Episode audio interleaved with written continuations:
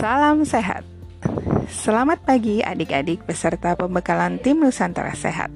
Saya Dr. Gigi Aditya Putri dari Direktorat Pelayanan Kesehatan Primer. Selamat bergabung dalam materi kebijakan pelayanan kesehatan primer di remote area. Materi ini akan menjelaskan tentang pelayanan kesehatan di remote area, yaitu daerah tertinggal, perbatasan, kepulauan, kawasan terpencil sangat terpencil.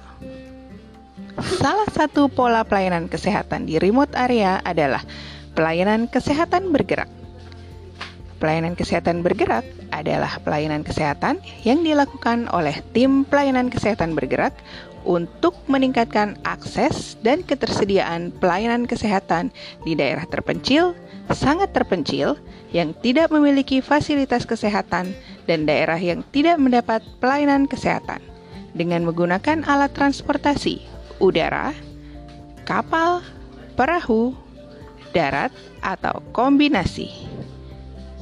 Kegiatan ini dilakukan oleh tim pelayanan kesehatan bergerak yang berasal dari puskesmas, kabupaten kota, dan atau provinsi dan pusat.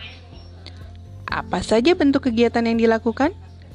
Kegiatan yang dilakukan berdasarkan masalah kesehatan di daerah tersebut dapat meliputi pengobatan umum, pengobatan spesialistik, pelayanan kesehatan tradisional, program gizi, kesehatan lingkungan, pelayanan kesehatan ibu dan anak, surveillance, imunisasi, program pencegahan dan pengendalian penyakit termasuk screening PTM, penyuluhan, penyuluhan kesehatan, dan orientasi atau peningkatan kapasitas tenaga kesehatan serta kader dan pemberdayaan masyarakat serta rujukan pasien.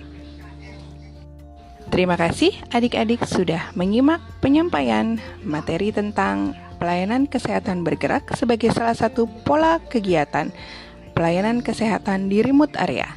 Selamat bertugas, selamat mengabdi untuk negeri di kawasan terluar terpencil, sangat terpencil sebagai garda terdepan pelayanan kesehatan.